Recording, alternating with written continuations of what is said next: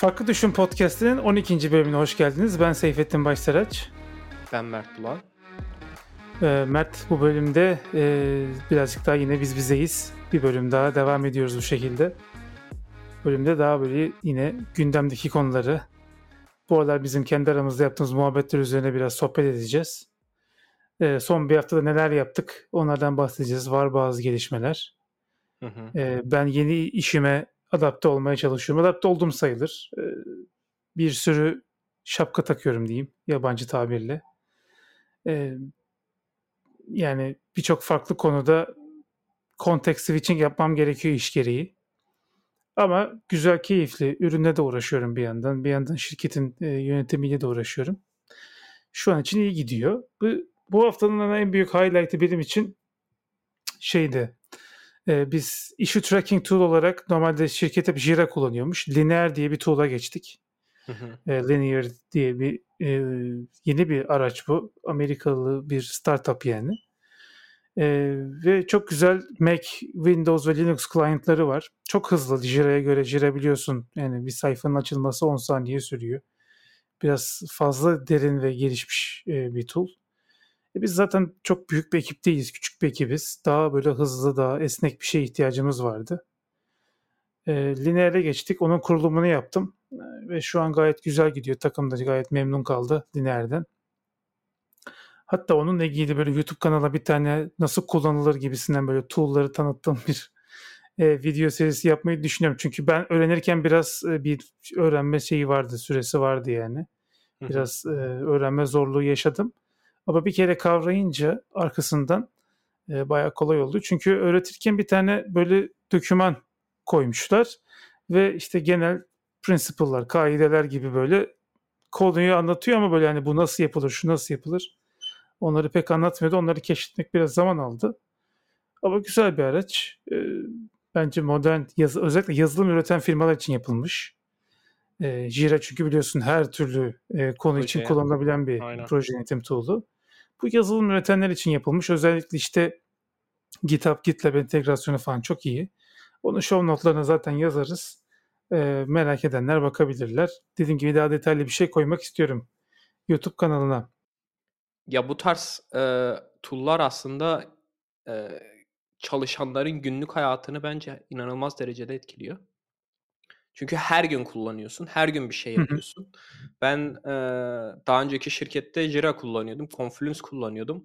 Yani nasıl diyeyim illallah ediyorsun tool'lardan. E, tamam hani şey olarak fonksiyonellik açısından her şeyi yapabiliyorsun. Ama bu yüzden de hiçbir şey yapamıyorsun. Çünkü atıyorum evet. ya bayağı şirkette hani Jira'dan sorumlu elemanlar oluyor. Atıyorum bir şey yapmak evet. istiyorsun. Ona ticket açıyorsun ki o adam gelsin işte senin Jira'da işte bir dashboard'una sen bir özellik eklemek istiyorsun. Gelsin o özelliği eklesin. Yani abi ne yapıyorsun ki alt üstü bir e, işi takibi yapacaksın. Bir sürü ekstra bürokrasi ekliyorsun işe. Hani bir sürü özelliği var ama işte e, o özellikleri keşfetmek, o özellikleri ayarlamak falan çok uzun zaman alıyor. Biz evet. şu an şeyde e, Shopify'da bu işi tracking'i tamamen GitHub üzerinden yapıyoruz. GitHub'da hmm. da bildiğin gibi projeler kısmı var. Orada evet. e, şey yapabiliyorsun, işi oluşturabiliyorsun. İşçiler zaten direkt şeye linkleniyor, PR'lara linkleniyor falan. E, bu çok iyi ama mesela önceki şirkette böyle nasıl diyeyim muhtemelen lisans ücretinden dolayı da olabilir. Kitapta her bir e, kullanıcı için lisans ücreti ödüyorsun sanırım. Orada mesela atıyorum işte tasarımcılar, PO'lar falan o tarz e, developer harici çalışanlar çok fazla e, yanaşmıyordu kitap kullanmaya falan. İşte ya, uzak duruyorlar. Yani işte çok teknik falan filan. Ama şeyde mesela e, Shopify'da e, support advisor'lar bile GitHub account'ları var. Hani orada bir bug falan filan olunca direkt kendileri issue açıyorlar. Yani hani bu muazzam bir şey. Developer açısından düşünürsen hı hı. yani direkt senin çalışma ortamına gelip bug bildiriyorlar.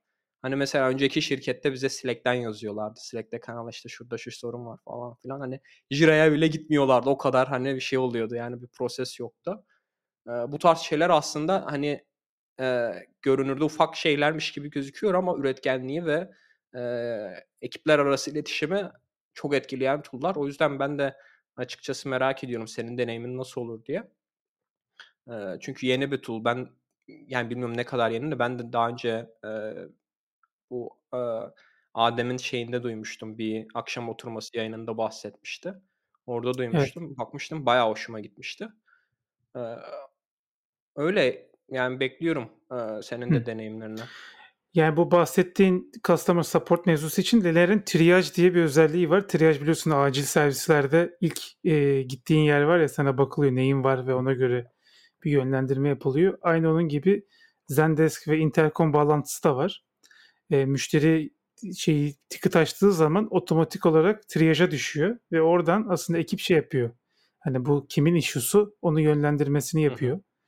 Oradan da işte e, ya da önemli bir şey mi değil mi kapatabilirsin de bazen önemsiz bir şeydir.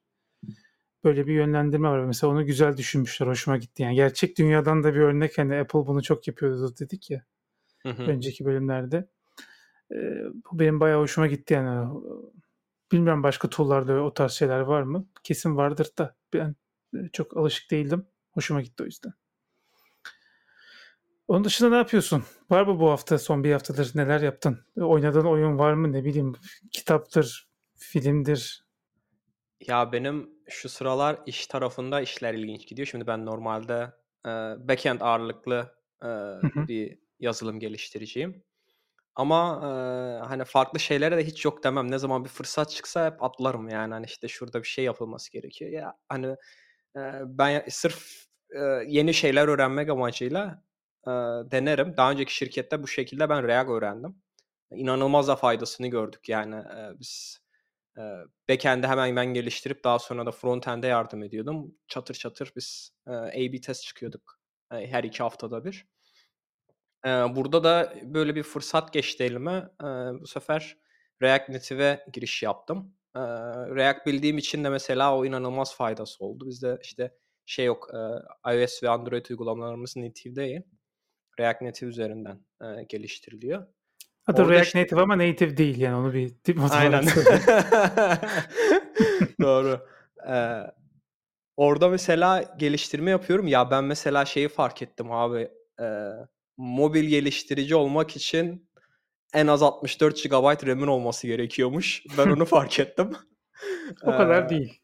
Ya şey için muhtemelen sen sadece e, şeyi düşünüyorsun şu an. iOS geliştirmeyi düşünüyorsun. Evet. Ee, orada muhtemelen o kadar gerek değil de ikisini birlikte geliştirince şimdi çünkü ben mesela işte geliştirmeyi e, iPhone simülatörü üzerinden yapıyorum başlangıç olarak çünkü hani e, şey olarak bana daha gelişmiş geliyor sistem olarak de, sundukları development araçları olarak.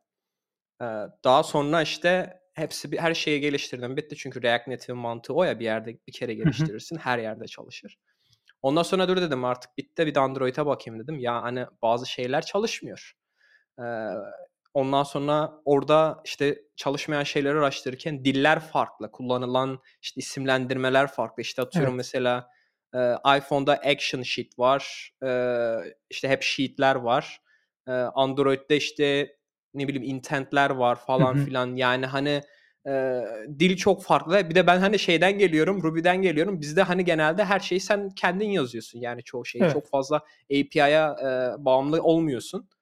O yüzden mesela çok farklı deneyimler elde ettim. Sürekli böyle işte Google'ın API dokümantasyonunu okuyorum. İşte bir sürü e, şeyler var işte neler yapabilirim e, oradaki Hı e, API'larla ilgili falan.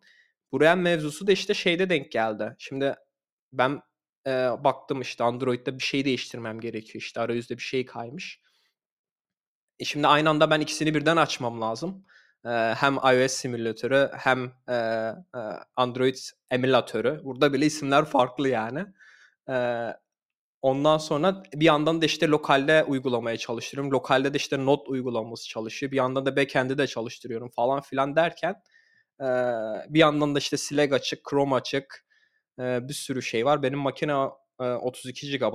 Ondan sonra bir anda çat diye kernel panik hatası aldım. Bütün development environment'ım uçtu. E, tekrardan bir saat tekrardan işte bütün app'leri çalıştırmaya falan uğraştım. O an dedim yani artık e, 32 GB'la bu olabilecek bir iş değil. E, çünkü zaten hani şu anda bile e, senle konuşuyorum işte hala o development ortamları açık arka planda. 23 GB bir RAM kullanımı var. Maşallah. Aynen yani o yüzden mesela şu an şirkette herkes şeyi bekliyor. Apple'ın yeni e, M1 işlemcili 16 inç model e, çıkartılacağı söylenen e, sonbaharda. O, o cihaz çıksın da artık herkes ona geçiş yapsın diye. Çünkü hani burada tek suçlu RAM değil bence Intel'in de büyük bir e, payı varmış gibi geliyor o, o şeylere. Ya benim işte şeyim bu haftam daha çok bunlarla geçti. İşte şeyi de okumaya devam ediyorum. The Box kitabını bu konteynerlerle ilgili. Hı hı. Ee, çok o da muazzam bir kitap aslında. Ben bu tarz böyle devrim yaratan teknolojilerle ilgili e, kitapları çok seviyorum. Hatta e, bununla ilgili bir blog yazısı yazacağım. E, bu bir seri e, şeklinde bu tarz kitaplar var. İşte konteynerin hayatımızdaki yeri, pamuğun hayatımızdaki yeri, çayın, trenin, e, uyuşturucuların falan filan diye bu şekilde çok güzel Hı. kitaplar buldum.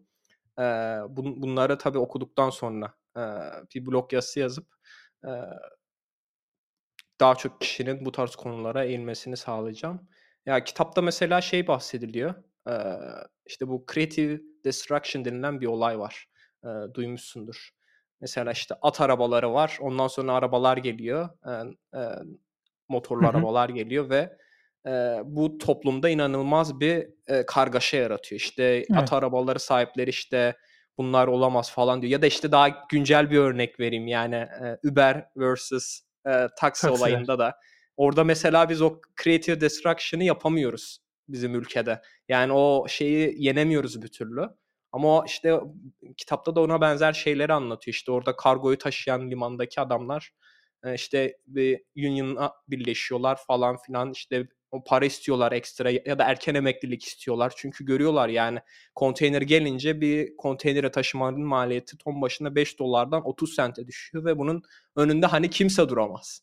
Yani Tabii. hani sen hangi ülke olursan ol duramazsın. Ya hangi iş adamı olursan ol duramazsın. Kimse yani o insanlara hala beslemez yani. O yüzden e, çok e, kitap güzel gidiyor. E, böyle e, bilmiyorum sen şeylerden bahsediyordun. E, bir de oyunlardan e, o, o tarafta Oyunlara gelmeden önce şu Intel mevzusunu birazcık açalım. Ee, Aynen. Ben birkaç gün önce benim bir akrabam var Amerikalı e, ve bir müddet Intel'de çalıştı. Portland'da asıl Intel'in şeyi Portland'da. Yani merkez San Francisco'da ama asıl iş Portland'da yapılıyor. Bütün e, R&D ve şeyler fabrika. E, işlemcinin nasıl üretileceğine dair planlamalar, fabrika değil. Hı. O planlamalar orada yapılıyor. İlk prototipler falan orada geliştiriliyormuş. Ee, yani ben onu bu mevzuyu sordum dedim yani Apple adımı attı. Bak arkasına şimdi Microsoft geliyor. ARM destekli Windows üzerine çalışıyor. Kendi ARM işlemcilerini yapmaya çalışıyor şu an Microsoft. E, muhtemelen Google vesaire de bu yönde gidecek. Diyor ki yani müstahak diyor şeye Intel'e. Çünkü hak ettiler dedi.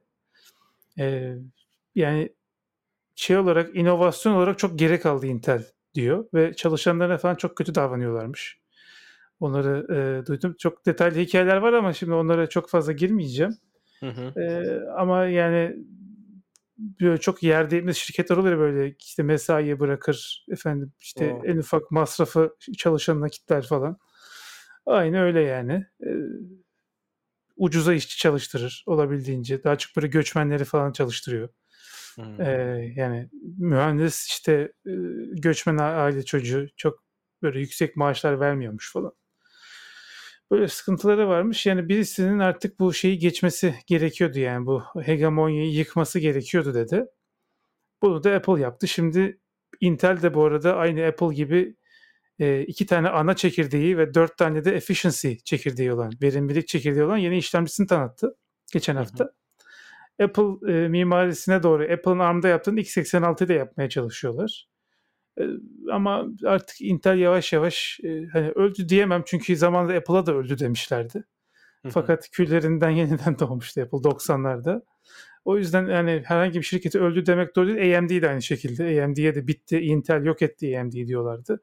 Şu an AMD çok daha iyi bir konumda. Eskisine göre Intel'den daha iyi bence şu an. Ama bu tarz ama şeylerde yani. Sa- sanki bir kilit adam ya da kadın yani bir kişi olması gerekiyor gibi o şirketi döndürmek için. AMD'de yanlış hatırlamıyorsam şu anki e, kadın CEO'su geldikten sonra sanki işler değişmişti gibisinden bir şeyler hatırlıyorum. Belki yanlış hatırlıyorum. Evet, bilmiyorum. evet, evet öyle. Ee, öyle olmuştu. Intel'de de ama Intel'de öyle mi bilmiyorum. Çünkü Intel'de de benzer şekilde e, ben okumuştum. Daha önce Intel'de çalışan yeni CEO geldikten sonra ayrılan şimdi işte bu sonraki şeylerden dolayı tekrardan gelen birisi vardı diye durdum da ama şeyleri gördüm aşırı saçma. Yani işte Apple ile ilgili reklam yapıyorlar falan böyle. Evet evet. Ka- Apple'a karşı işte Intel işlemcili şey kullanın. Abi yani Bir de şey yapmayın hani. Mac vs PC'de Mac'i oynayan adamı oynatmışlar. Ha Para aynen. Ya abi hani böyle başkası adına utanmak. E, Fremdschämen bu Almanca'da direkt tek kelimeyle şey yapmışlar. E, açıklamışlar. Baya reklamı seyrederken öyle hissediyorsun. Yani Ya bunlar aslında çok güzel sinyaller veriyor. Yani yönetimin nasıl e, düşündüğüne ve hareket ettiğine göre Hı hı. güzel sinyaller veriyor. Yani şirketler belli ediyor bu tavırlarıyla. E, Yani mesela Samsung'a da bakıyorsun. Samsung'un hiçbir zaman hedefi e, en iyi telefon üreticisi ya da en kaliteli ürünü yapmak olmadı yani. Reklamlara bakıyorsun hep diğer rakipleriyle uğraşan reklamlar yapıyor. E, hep adamların derdi ikinci olmak. Yani her konuda ikinci olmak. Yani buzdolabında da ikinci olmak. E, ya bu bir burada bu iyi bir strateji, bu kötü bir strateji Tabii. değil. Ama işte şirketin vizyonu hakkında çok güzel bilgiler veriyor yani. E, mesela Intel'de de böyle bir şey. Bu tarz reklamları yapması bu adamların rekabette ayakta kalamayacağının bir göstergesi ve aslında bir şeyleri değiştirmek, innovate, innovate yapmak, inovasyon yapmak da çok dertleri değil gibi e, anlaşılıyor.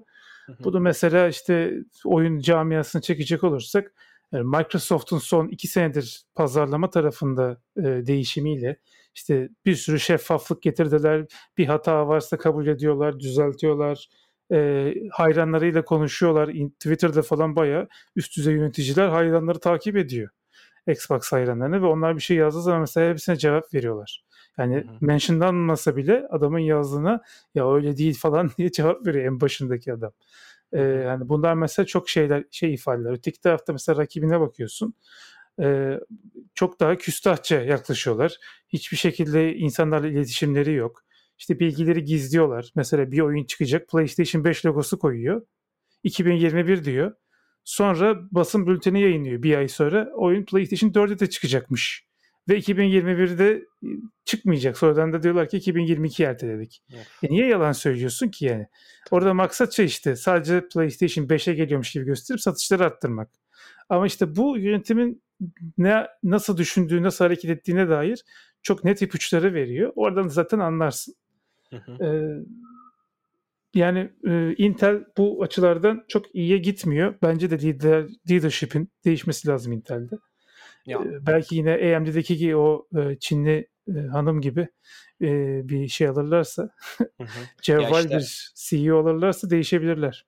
bunlar hep aslında benzer konular işte creative destruction dediğimiz de şey bu yani hani senin şirketin içerisinde öyle bir şeyler olması gerekiyor ki senin kendi ürünü öl- öldürebilsin. Yani işte Apple aslında bunu yapabiliyor genelde. Yani o yüzden yeni ürün tanıttıklarında hep diyorlar işte en iyi iPhone bu diye. Ya Aslında orada bir nevi bir öncekini gömüyor. Aslında zaten daha önce de o yüzden şey satmıyorlardı. Ben hatırlıyorum yıllar yıllar önce yeni iPhone çıktığında bir önceki iPhone'un satışını durduruyorlardı yani. Ee, artık sen hani direkt Evet. Apple'dan alamıyordun en azından. Ee, e, hani o da şeyi göstertiyor artık en iyisi bu olduğu için. Bu konuda aslında çok güzel bir kitap var.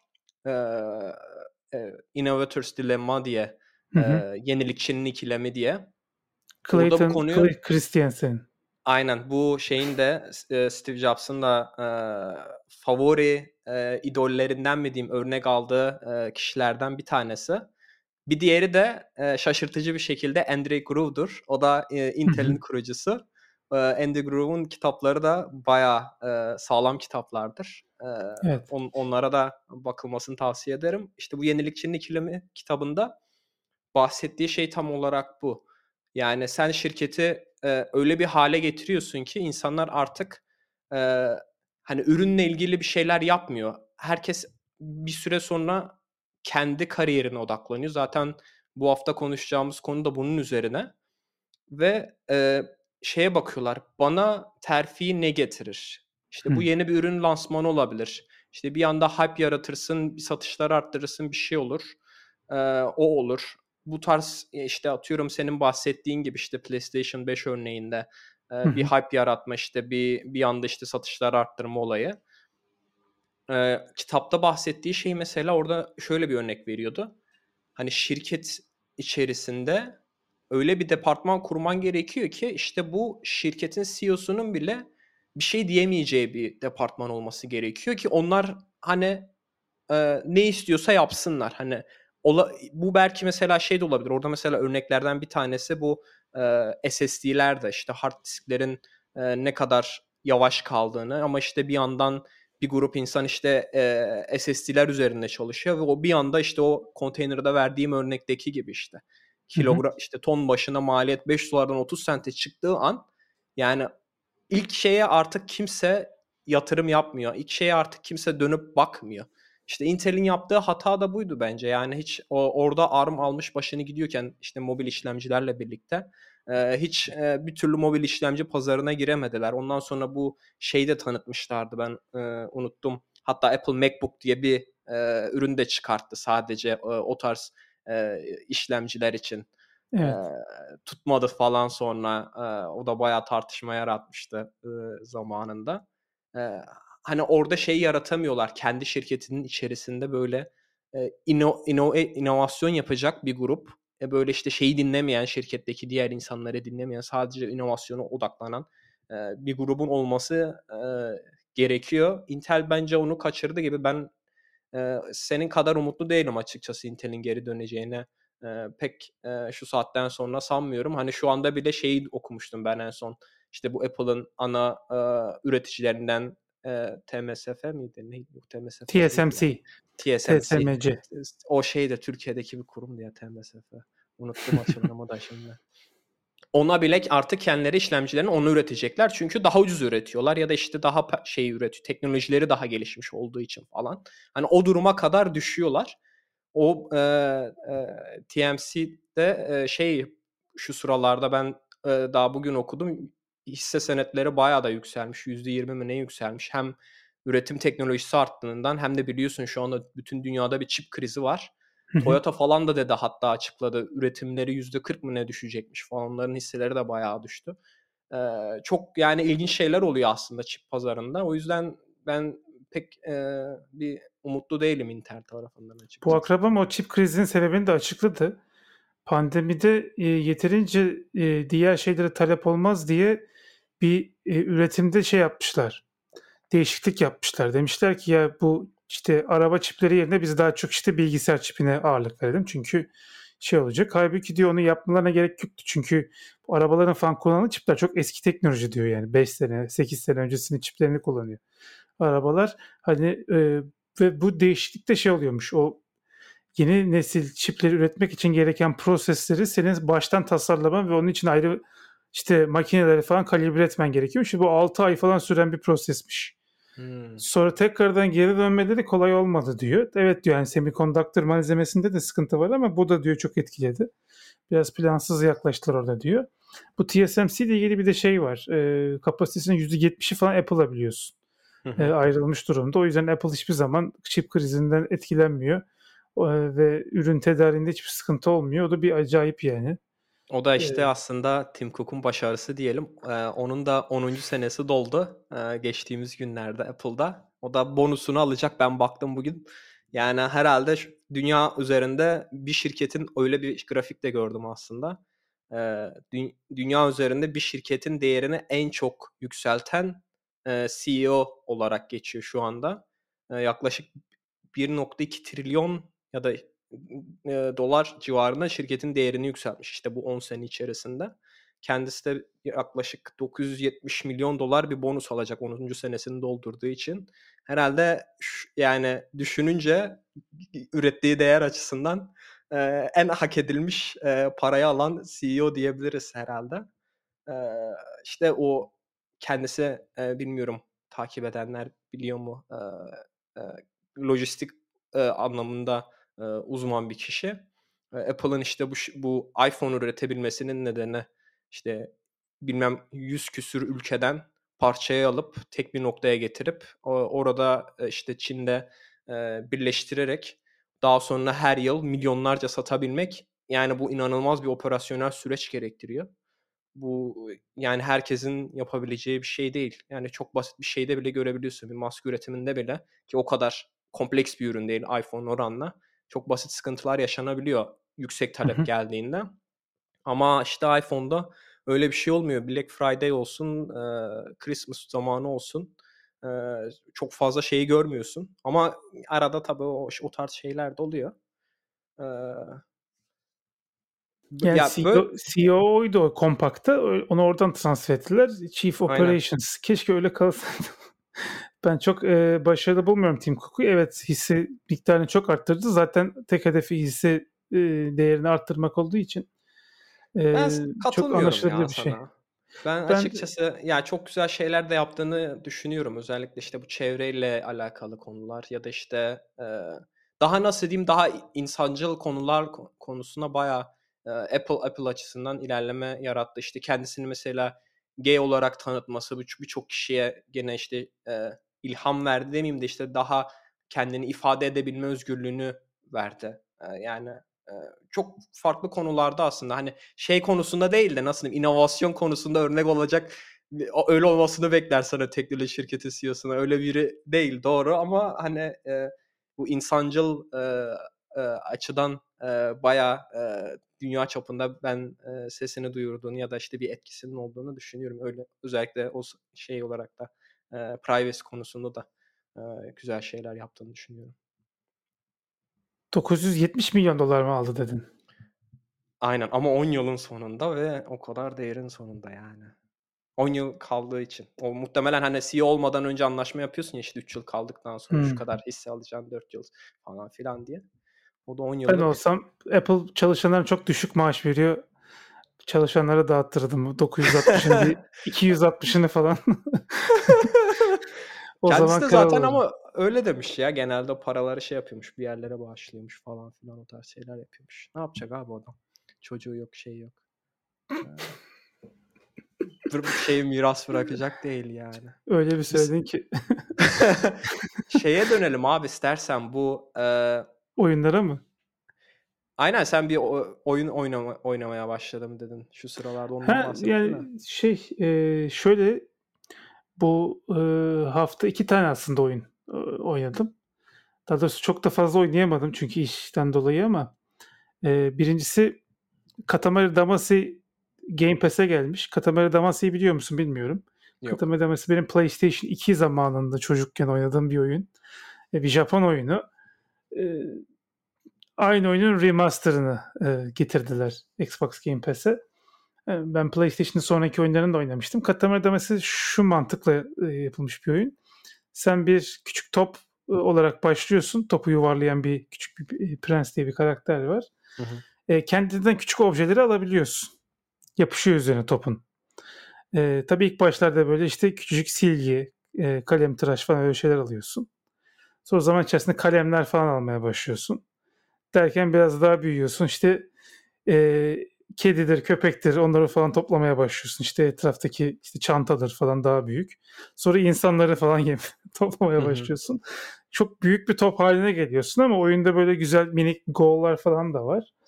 Ee, çok çok çok çok keyifli bir oyundur ve PlayStation 2'nin neden bu kadar iyi bir e, konsol jenerasyonu olduğunun da e, aslında kanıtıdır yani bu tarz Japon oyunları. Onu oynadım. E, oğlum da çok seviyor zaten çocuklara da uygun bir oyun. Hı hı. E, ikinci olarak da benim yani çok uzun zamandır beklediğim e, Psychonauts 2 çıktı. Dün ya da evvelsi gün mü çıktı? O civarda işte. E, o da Game Pass'e geldi. Microsoft satın aldı yapan firmayı. E, Double Fine diye bir stüdyonun oyunu. Double Fine'ı bilmeyenleriniz varsa bütün oyunlarını oynamanızı tavsiye ederim. E, Tim Schafer diye bir e, game designer adamın stüdyosu. Çok meşhur bu eski point and click adventure oyunlarını falan e, Monkey Island'ın falan tasarımcılarından kendisi. Psychonauts'un da konusu şu. Birinci oyun 2005'te çıkmıştı. Şimdi 16 sene sonra ikinci oyun çıktı. Wow. Ee, evet arada başka projeler falan yaptılar. Psychonauts'ta şu insanların zihinlerine girebilen Psychonaut dediğimiz astronotun aslında psikolojiyle birleştirilmiş hali. Bir e, birim var, bir e, ekip var. Sen de ilk oyunda e, işte bir e, Psychonaut adayı olarak işte eğitimlere falan gidiyorsun ve Psychonaut olmaya çalışıyorsun. E, çok fazla spoiler vermeyeceğim ama hani oyunda mesela şeyi çok güzel vermişti. Aslında çocuğun işte çocukken böyle çok imrendiği, büyük gördüğü, üstad Psychonaut dediği adamların yanında takılmaya başlayınca aslında adamların ne kadar aslında işte işi savsaklayan, aslında o kadar yetenekli olmayan ve tamamen işte şey olan, e, ismi olan ama cismi olmayan adamlar olduğunu falan çok güzel gösteren bir oyun. Duygusal tarafı da var oyunun. İşte ikinci oyunda da devam ediyorsun ama şöyle bir güzellik var. Şimdi her insanın zihni ve bilinçaltı farklı olduğu için insanların sevdikleri ya da korktukları şeylere göre o zihninin dünyası farklı oluyor. Mesela ilk oyuna başladığın zaman ikinci oyuna e, amatör dişçi bir adama giriyorsun. Adamın hayal dişçi olmak. O yüzden bütün bölüm böyle diş etleri ve dişlerden yapılmış. Çok orijinal bir şeyi var. E, görseli var, konusu var ve işte gameplay falan çok güzel. O yüzden şiddetle tavsiye ederim. Birinci oyun yani tüm zamanların en iyi on platform oyunundan bir tanesiydi. İkinci oyunda herhalde bu sene yılın oyunu aday, adayı olabilir. E, baya baya başarılı. Yazımı falan çok iyi, espriler çok iyi, hikaye çok iyi. E, o yüzden tavsiye ederim. E, PlayStation'a çıktı bu arada. Microsoft'un oyunu olmasına rağmen daha öncesinde söz verildiği için satın alımdan önce PlayStation'a çıkılacak denildiği için Kickstarter kampanyası başlatmışlardı. Hı hı. E, o sözler verildiği için e, PlayStation'da çıkarttılar oyunu. Bozmadı yani Microsoft sözünü e, şey yapmadı. Helal olsun. e, bütün platformlarda oynayabilirsiniz özetle. Tavsiye ederim.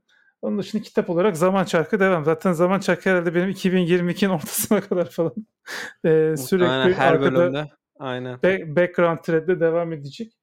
E, ondan çok da fazla bahsetme gerek yok ama geçen bölüm dinleyip Zaman Çarkı'na başlamaya karar veren arkadaşlara da Allah kolaylık versin diyorum burada.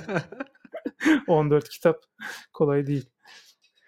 İstersen e, yavaştan bu haftaki konumuza dönelim. Biz hı hı. bu hafta e, aslında bir konu gibi gözüküyor ama e, iki konudan bahsetmek istiyoruz. Evet. Google'ı bırakmak ve e, Facebook'u bırakmak. E, evet. Öncelikle istersen bir şeyden bahsedelim. Niye bırakmaktan bahsedeceğiz biz bu bölümde? Ben bir kere ikisini de bırakmadım onu söyleyeyim. Burada tamamen bırakabilen sen varsın. Neden bırakmak konusu biraz daha böyle şey bir konu. Yani ya Burak Yiğitkay'la yaptığımız bölümde de bu konuya birazcık değinmiştik açıkçası. Ee, hani bunlar bedava araçlar ve aslında kullanmak için kimse sizi zorlamıyor diye ama öyle bir dünyadayız ki e, sen kullanmasan başkasının kullanımı seni de etkiliyor. Çünkü senin olan bir fotoğrafını koyuyor mesela Instagram'a. E, hadi sen yine girdin radarın içerisine. Senin yüzünü oradan tanıyor vesaire gibi durumlar var. Şimdi çok fazla detaya girmeyeceğim ama burada önemli olan şey aslında işte bilginin mahremiyeti yani insanların özel hayatının, mahrem hayatının e, kendilerinde kalması. Bunun bir e, ticari ürün olarak satılmaması mevzusu. Şu an biliyorsunuz yani veri çok kıymetli bir şey ve veri üzerine ticaret yapan data broker dediğimiz şeyler var ve bu verilerin büyük çoğunluğu da insanların her düşündüğünü yazdığı, her gördüğünü çekip koyduğu bu işte Google'ın ve Facebook'un da başını çektiği platformlardan geliyor. Twitter da bunların içerisinde. Bugün herhangi bir insanla ilgili bu insanın dünya görüşü nedir, siyasi görüşü nedir diye merak ettiğinizde profiline girip bir 10 dakika bakmanız yeterli profiline. Ee, yani hangi parti oy verdiğini çıkartabiliyorsunuz, hangi takımı tuttuğunu çıkartabiliyorsunuz, e, kiminle birlikte olduğunu çıkartabiliyorsunuz, nerede yaşadığını çıkartabiliyorsunuz ki bunlar artık e, public olarak hemen hemen herkese açık bir şey. Birçoğunuz şey diyebilirsiniz yani bu kötü bir şey mi? E, yani bizim için bir sakıncası yok diyebilirsiniz. Ama aslında bunun bir sakıncası var. Yani bunu aslında anlatmaya çalışıyoruz. Edward Snowden de mesela bunu e, anlatmaya çalışıyor. Hatta bu yüzden belki hayatını feda etti adam. Hı hı. E, şu an e, konsoloslukta mı yaşıyor şu an? Öyle bir şey var sanırım. Otelde mi kalıyor? Rusya'da mıydı en son? Rusya'da bir yerdeydi. Konsoloslukta kalan şeydi ya bu. Julian ha, Assange'dı. Evet, Assange'dı. Assange. Evet, evet. E, Snowden Rusya'da bir yerde kalıyor. Bunu orada tutuyorlar. E, bu adam da işte NSA herkesi dinliyor ve herkes hakkında bir profil çıkartıyor diye NSA'de çalışırken e, gördüğü ve bilgileri şifreleyerek basına sızdırdığı için Rusya'da kalıyor. Ama şöyle bir şey olmuş. Kız arkadaşını falan transfer etmişler Rusya'ya. O yüzden tekrardan aynı hayatı kurmaya başlamış Rusya'da. Hı, O da güzel güzel bir gelişme. Onunla ilgili, ilgili- Citizen Force var. Citizen Four Ha. belgeseli var. Onu Aynen. tavsiye ederim. Hollywood filmini çok tavsiye etmem. Snowden filmini. Kitabı da var. Ben daha okuma listemde okumadım da Edward. Snowden'le ilgili Snowden'in kendi yazdığı kitap da var. Ee, ama bu işte bilginin gizliliği konusu önemli. Ya şey Ee, aslında e, araya girdim kusura bakma. Şey geliyor aklımıza. Ya benim saklayacak bir şeyim yok abi. Yani ben benim saklayacak bir şeyim yok. Kötü bir şey yapmıyorum ki yani. Ne sakıncası var? Kullansınlar William. Olmuyor mu? Ee, şöyle oluyor. Ee, bu The Great Hack'ten bahsetmiştik geçen bölümde. Ee, birincisi şu var. Şimdi seninle ilgili sen bu bilgileri paylaştıkça, insanlar senin bilgini paylaştıkça seninle ilgili bir profil doluyor. Ve bu profilin sonucunda senin verinle alakalı senin nasıl bir insan olduğunu, neye nasıl tepki vereceğini, duygu değişimlerini falan e, bir kategorize eden bir şey var. Algoritma var arkada. Bu Cambridge Analytica skandal dediğimiz şey aslında özünde bu. İnsanların e, işte e, sessiz kaldığını bu tarz olaylara işte ne bileyim ya da tepki gösterdiğini mi işte çabuk sinirlendiğini mi yoksa işte yumuşak e, şeylik olduğunu mu e, yaklaşım olduğunu mu falan bunlara dair bir profil çıkartıyorlar insanlar üzerinde ve onlara onların e, timeline'ine bu haber akışına ona uygun daha Trump yanlısı ve Hillary karşıtı şeyler yayınlıyorlar ve insanların mesela tarafsız yani kararsız olup olmadığını mesela anlıyorlar. Ya bu adam kesin Trumpçıdır, bu adam kesin ya da bu kadın kesin Hillary'cidir diye ayırıyorlar. Sonra bir de aradaki kararsızlığı tespit ediyorlar. Onlar üzerinden bir duygusal profil çıkartıyorlar ve ondan sonra o insanları direkt siyasi olmayan ama siyasi kararını etkileyebilecek tarzda içerikler gösteriyorlar. Çok zekice yapıyorlar bunu. Hatta e, o Great Hack'te başka şeyler de vardı. Mesela şöyle bir şey var. Atıyorum e, adam senin ev almanı istiyor. Tamam mı? Bu bir mortgage kredisi veren bir yer. Atıyorum yani ya da bir gayrimenkul şirket. Adam sana direkt gayrimenkul şeyinin e, projesinin reklamını vermiyor. Adam algoritma yardımıyla senin önüne senin arkadaşının yeni aldığı evde çocuklarıyla keyifli vakit geçirdiği bir videoyu çıkartıyor. Tamam böyle bir şey ortaya koyuyorum. Bu sefer sen diyorsun ki ya bak adam işte kendi evini almış falan. Ben de mi alsam? Hani tabii bu ilk gördüğünde belki oluşmuyor. Belki diyeceksiniz ki ben öyle bir şey düşünmem diyeceksiniz. Ama bu bilinçaltını etkilemek çok aslında zor bir şey değil. Bu tarz içeriklerle. Mesela bugün mesela bakıyoruz. e, ülkede mesela siyasi tansiyon çok yüksek. E, insanlara mesela soruyorsun sebebini. Adam bir sürü şey söylüyor. Söylediği şeylere mesela yarısı yanlış. Yarısı doğru. Yarısı e, işte bir kısmı doğru bir kısmı e, şey e, fazla abartılmış ya da bilmediği bir sürü şey var vesaire vesaire. Bunlar hep işte gördüğü şeyler üzerinden. Mesela bu başlık haberciliği falan bu konuda çok yapılır. Adam e, 20 dakika konuşma yapmıştır mesela birisi. Herhangi birisi. Onun içerisinde iki tane cümleyi keser başlığa koyar. E sen zaten o makalenin devamını okumuyorsun ya da o konuşmanın tamamını seyretmiyorsun. Kontekstin dışına çıkartır. Sen onu gördüğün zaman içten içe sinirlenirsin mesela. Burada burada herhangi bir kısmı savunmak ya da şey yapmak için istemiyorum. Bu her siyasi kuruluş, kurum için geçerli olan bir şey. Her cenah bunu yapıyor. Etkili bir şekilde yapmaya çalışıyor. Fakat tabii bu ne oluyor? Sana içeride bilinç altında farklı düşüncelere itiyor. Yani manipülasyon çok açık bir şey bu verinin paylaşımı. Oradan bu konuyu buraya bağlayacağım. Ee, o yüzden ya o benim verimi ne yapsın diyorsun ama sen gün içerisinde Twitter'da işte haber sitelerinde e, Facebook'ta gördüğün içerikler aslında seni bir şekilde bir tarafa yönlendirmek için kullanılıyor olabilir ki kullanılıyor da zaten. E, hatta Cambridge Analytica'nın mesela Türkiye'de de çalışmalar yaptığını biliyoruz. Kim adına yaptı bilmiyoruz ama çalışmalar yaptığını biliyoruz. Mesela şey çok ilginçti bunu ilginç bir örnek olsun diye söylüyorum. Great Hack'te vardı. Bu Trinidad Tobago diye bir ülke var. Hep e, Türkiye'yi seçerken ülke listesinde bize yakın çıkan ülkelerden. Trinidad Tobago'da şöyle bir şey yapıyorlar.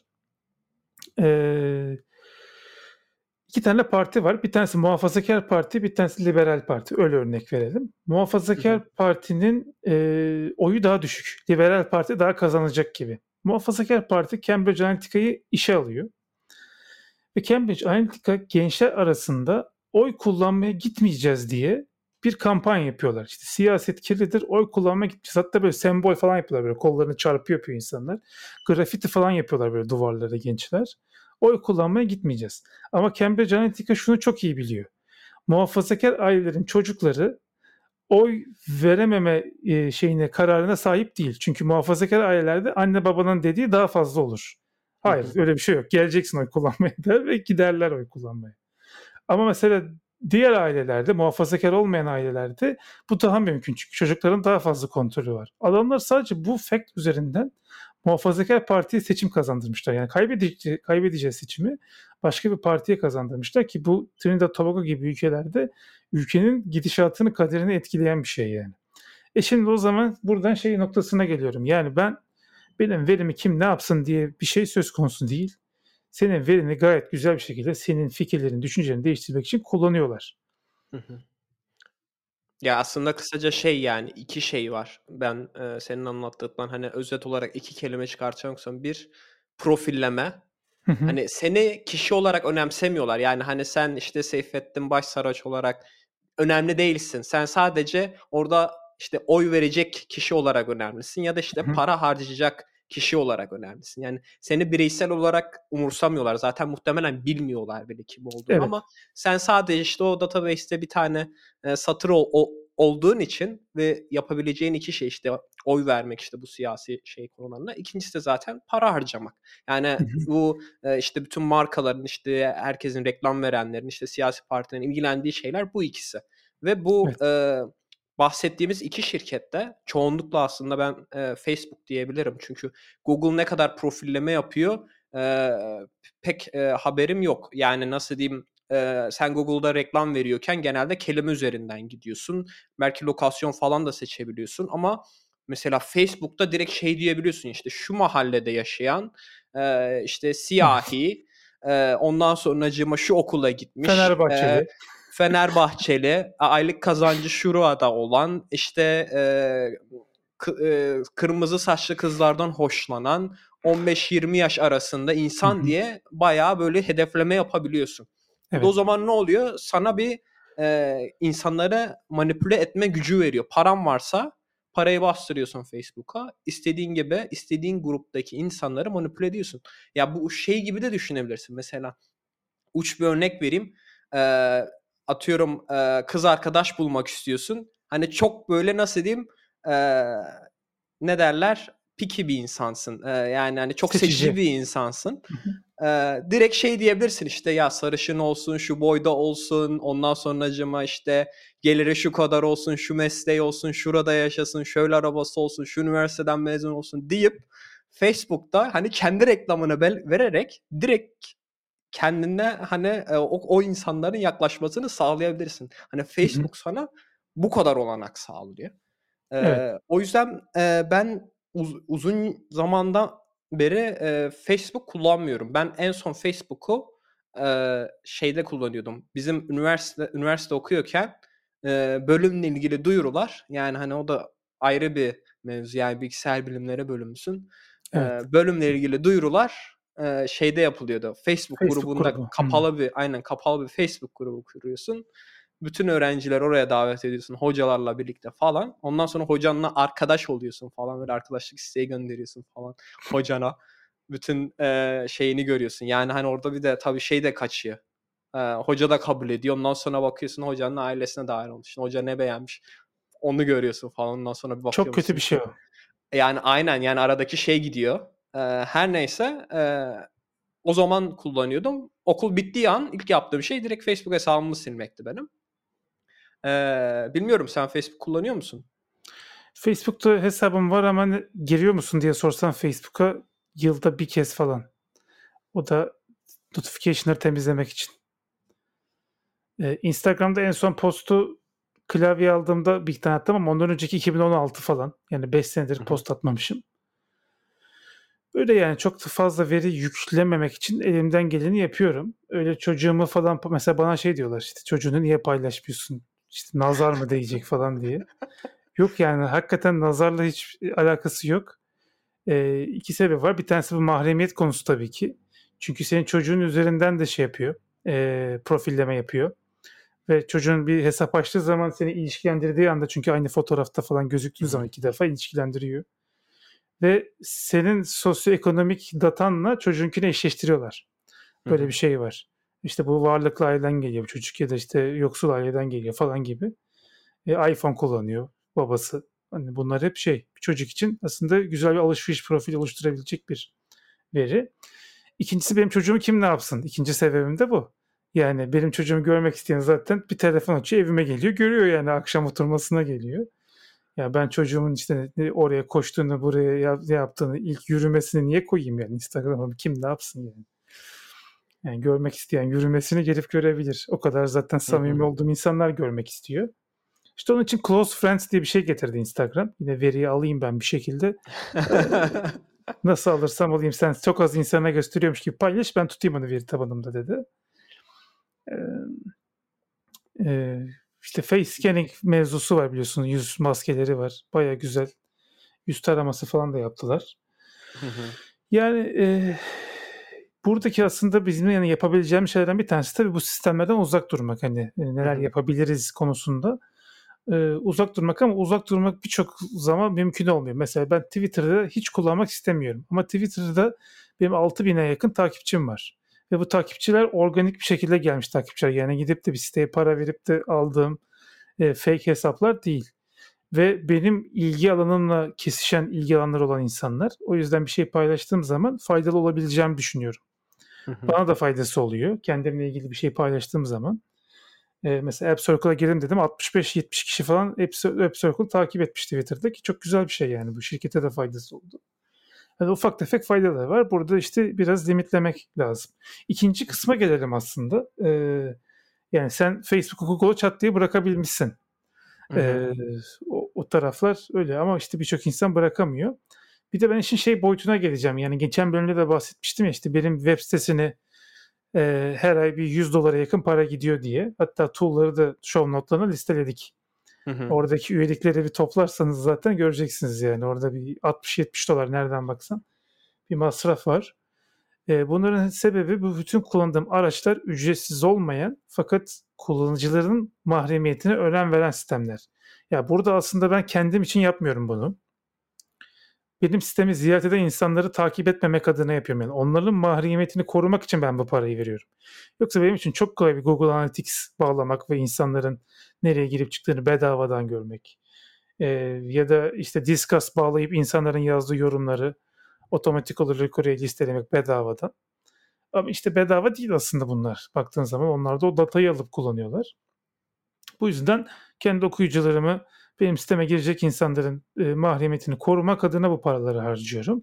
Ve bence bu açıdan e, her ürün yapan insanın, her e, site sahibi insanın e, bir sorumluluğu var. Ya burada şey diyebilirsiniz ya kardeşim Google Analytics gibi tool mu var ne kadar kapsamlı bilmem ne vesaire. Var alternatifleri. Plausible var. Ben işte Fathom kullanıyorum. Ee, ben Plausible için, kullanıyorum. He, Plausible mesela çok güzel bir alternatif. Evet ücretli ücretli olması e, yapacak bir şey yok yani. O adam bir şekilde parasını çıkartacak makine Tabii, çalıştırıyor arkada. Yani aslında olay şu. Yani sen bir servis alıyorsun ve o servisin sürdürülebilir olması gerekiyor. Sürdürülebilir evet. olması için de o servisin ücretli olması gerekiyor ya da evet. e, işte Google gibi, Facebook gibi ücretsiz olup senin datan sayesinde, senin sayende bir şekilde para kazanıyor olması gerekiyor. Çok basit bir mantık aslında. Evet. Şimdi ben belki biraz tekrar başa dönecekmiş gibi olacak ama şeyi mesela işte dedik mesela ben hep sorguluyorum yani neden kullanmam gerekiyor mesela Facebook. İşte mesela dedik gruplar mesela ben insanlara sorduğumda Facebook'u niye kullanıyorsunuz diye herkesin tek bahsettiği şey gruplar. İşte Facebook grubu Hı. var. İşte atıyorum Hamburg'a yerleştim. İşte e, Hamburg'da yaşayan Mısırlılar grubu var e, o yüzden e, şey kullanıyorum, Facebook kullanıyorum diyorlar. Hep bu şekilde oluyor. Mesela o zaman alternatifi ne diye bakıyorum. Ben işte Meetup var. Mesela eğer amacın bir grup insanlarla çalışmaksa bilmiyorum mesela oradaki e, privacy olayları nasıl ama e, günün sonunda o, e, onların e, para kazanma modeli şeye oranla farklı diye biliyorum. E, Google'a oranla. Meetup'ta evet. sanırım e, ücretli bir şeyler e, alarak bir şeyler yapıyordun. Yani hani hep şeye bakıyorum. Gene orada mesela şey de olabilirsin. Anonim olarak anonim kalıp sadece etkinliklere de takip edebilirsin. Yani şey yapmana da gerek yok. E, üye olmana da gerek yok mesela Meetup.com için. E, eğer amacın hani sosyalleşmek ise. Ondan sonra e, bir diğer ürün mesela Instagram e, ilk çıkış olayı fotoğraflardı. E, şu sıralarda bayağı e, e, hype olan yeni bir uygulama var. Glass. E, Glass diye. O da mesela sadece fotoğrafa e, e, odaklanan e, like'lama gibi bir özelliğin olmadığı, sadece yorum yazabildiğin ve sadece ekranında fotoğraf görebildiğin e, ücretli bir uygulama. Ben kullanıyorum çiçek gibi uygulama. Yani işte alternatifleri böyle yavaş yavaş çıkmaya başladı ve ben bu alternatifleri şu, şu hani nasıl diyeyim sektörün hani ileri gelen insanları derler ya onlardan mesela duymaya başladım. İşte e, John Gruber'ın ben blog yazısında gördüm Glass'ı ilk defa. Hani hı hı. şöyle bir olay var. E, hep söylenir. E, e, şimdi tam e, Türkçesine nasıl çeviririm? E, aslında gelecek burada sadece eşit bir şekilde dağıtılmamıştır diye bir söz vardır. Hı hı. Ve e, şu anda genelde işte bu hackerların ya da işte e, sektördeki işte teknoloji alanında ileri gelenlerin şu anda kullandığı ürünler bundan 3 sonra 4 sene sonra e, mainstream haline gelen ürünler oluyor. E, o yüzden aslında hani ben bunu bu tarz kişilerden Glass'ı bu tarz kişilerden durun, duyunca dedim yani artık bu şey haline gelebilir e, muhtemelen ileride mainstream haline gelebilir diye düşünmeden etmedim. Ben de kaydoldum oraya. Hakikaten yani user experience açısından sadece tek gördüğün şey fotoğraflar ve fotoğrafla ilgili detaylar oluyor işte. Ona ee, bakmak istersen bakıyorsun. Aynen hangi cihazda çekmiş falan ki bu da en çok kişi, çok kişilerin en çok merak ettiği şey oluyor genelde. Yani e, hep soruyorlar abi işte hangi fotoğrafta hangi makineyle çektin? E, işte lens şeyi neydi falan filan gibisinden. İşte Instagram'ı hani bu şekilde bırakabiliyorsun. Eğer amacın fotoğrafsa, e, fotoğraflara meraklıysan. Ondan sonra WhatsApp var. Ee, bu sanırım herhalde bırakması en zor uygulamalardan bir tanesi diyebilirim. Ee, hani benim için kolay oldu. Ben çat diye gene bıraktım. Ee, ama çevremde ben baktığımda işte birisiyle konuşacağız. Mesela işte e, Koray Brandt'la haberleşeceğiz. Hani şey diyor işte al telefon numaram bu. WhatsApp'tan yazarsın diyor. Hemen orada e, abi işte ben WhatsApp kullanmıyorum olayını şeyi ne giriyor. e, orada çok sıkıntı oluyor. Ya bu ben bunu hakikaten nasıl başarmışlar e, hala aklım almıyor WhatsApp'ı. WhatsApp e, Avrupa'da e, bir numara şey açısından mesajlaşma uygulamalar açısından. Amerika'da öyle değil. E, çok değil. garip bir şekilde. E, Amerika'da en çok kullanılan şeylerden bir tanesi iMessage. iPhone'da gelen ve bunu ben çok da e, tartıştım Türkiye'de e, e, yaşayan arkadaşların neden iMessage kullanmıyorsun diye. Bizdeki bu e, spam SMS'lerden dolayı kimse evet. girip de oradaki o mesajlar uygulamasına bakmıyor. Çünkü o mesajlar uygulaması da iki mesaja birlikte içeriyor. Yani sana iMessage'dan gelen mesaj o mesajlar uygulamasında oluyor. SMS olarak gelen mesajlar da mesajlar uygulamasında oluyor. Haliyle insanlar hiçbir şekilde uygulamayı açıp da bana ne gelmiş diye bakmıyor. Sadece işte Ayarlarda arada var. Ayarlarda bilmediğim kontaklardan gelenleri gizle diye bir şey var. Onları ayrı bir tabe atıyor. Sadece senin adres defterindeki insanlardan gelen ay mesajları gösteriyor. Böyle bir özellik var. Ayarlardan açabilirsiniz. Aa süper bak bunu bunu söylediğin iyi oldu. Çünkü ben mesela ee, Koray Birant'la da konuşuyorum. O da öyle dedi. Orası dedi çöplük dedi. Yani işte bankalardan mesaj geliyor hmm. sürekli. Halıcıdan halı yıkamadan mesaj geliyor. Ondan belediye sonra bir de arada belediye başkanları gönderiyor. Arada bir tane de işte Seyfettin'den mesaj gelmiş. Onu orada bura bulamıyorsun. İşte şeyi de WhatsApp'ı da böyle bırakabiliyorsun. Ben işte Signal kullanıyorum. Android kullanan arkadaşlarla varsa eğer öyle bir hani e, grupta konuşmak istiyorsak ya da işte Android kullanıyorsa Signal kullanıyorum. Ee, iPhone'u varsa da direkt ben iMessage üzerinden kullanıyorum ve bence iMessage inanılmaz temiz. Ee, e, çok e, benim severek kullandığım bir e, uygulama. Umarım yayılır. Şimdi Facebook tarafı böyle. Facebook'u bu şekilde bırakabiliyorsun. Araya Sen bir giriş yavaştan... yapayım burada Google'a geçmeden. Ee, tamam. Meetup.com dedin. Bir de bunun çok iyi bir alternatif var Community. Onu da söylemeden geçmeyelim ben öyle çok yerli ve milli diyecek bir şey değilim ama bir, e, bir Türk girişimi ama dünyada çok popüler hale geldi. Hatta bugün Emir e, Community'nin kurucusu e, Amerika'daki surfçüler falan böyle komüniteler kurmuşlar Community.com'da ve oradan süper. buluşuyorlarmış, görüşüyorlarmış. E, Meetup.com bir de e, şey olarak e, community'ye göre daha pahalı. Onu da tavsiye ederim. Ben community'ye ücret ödeyen bir üyeyim ve gayet de memnunum. E, tavsiye ederim. Topluluğu olan topluluk kurmak isteyen insanlar için community'yi tavsiye ederim. Bir de ek olarak yine topluluk kurmak isteyenler ve bu işin e, raconunu tabiri caizse öğrenmek isteyenler için Stripe yayınlarının benim çok e, her bölümde neredeyse bahsettiğim Stripe yayınlarının Get Together diye bir kitabı var. Onu da e, kitap tavsiyesi olarak küçük olarak söyleyelim. Bir community nasıl kurulur, büyütülür güzel anlatıyor orayı. E, diyelim. Sen tekrardan Google'a geçebilirsin. Aynen. Ya, şeyde bak güzel olmuş. Ben ben de biliyorum community'ye. Ee, bu kadar yaygın olduğunu bilmiyordum. Umarım doldurabilirler. Yani hani privacy odaklı bir community sistemi getirip e, bu Facebook'un gruplar olayını ya ben sana şöyle söyleyeyim. E, ben burada sokağa çıktığımda billboardlarda Facebook'un gruplarla ilgili reklamlarını görüyorum. Yani Hı. o derece e, kendileri de pushluyorlar. Çünkü biliyorlar artık kimse e, o diğer özellikler için Facebook'a gelmiyor. Tek şey e, gruplar olarak kaldı. Umarım e, Facebook'u pozisyonunu e, ele geçirebilirler. Şimdi Google tarafına geçecek olursak Google'un aslında güzel yanı çok fazla e, e, uygulaması yok günlük hayatında kullanacağın. Ne zaman bir uygulama çıkarsalar zaten maksimum 2 yıl yaşıyor. 2 yıl sonunda da öldürüyorlar.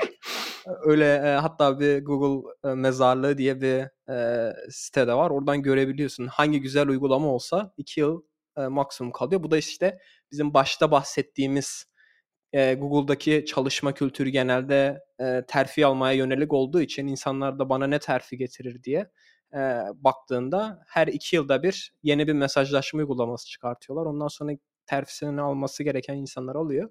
İki yılın sonunda o kişi başka yere transfer oluyor. Uygulamayı da öldürüyorlar. E, bir de şirket kültüründe ürün yapma yok onlarda çok. Yani user centric ürün yapma yok. Ee, daha çok servis geliştirme konusunda çok iyiler. Altyapıda çok iyiler. Hı hı. Ee, o açılardan yani biraz şirket kültürüyle alakalı. Mesela Apple'da servisler de çok kötü. Ne Aynen. kadar ya in, internet servisleri ben hala abi aklım almıyor. Yani şu Apple Müzik ya nasıl bir nasıl öyle bir uygulama geliştirebilirsiniz yani? Mac'teki mi?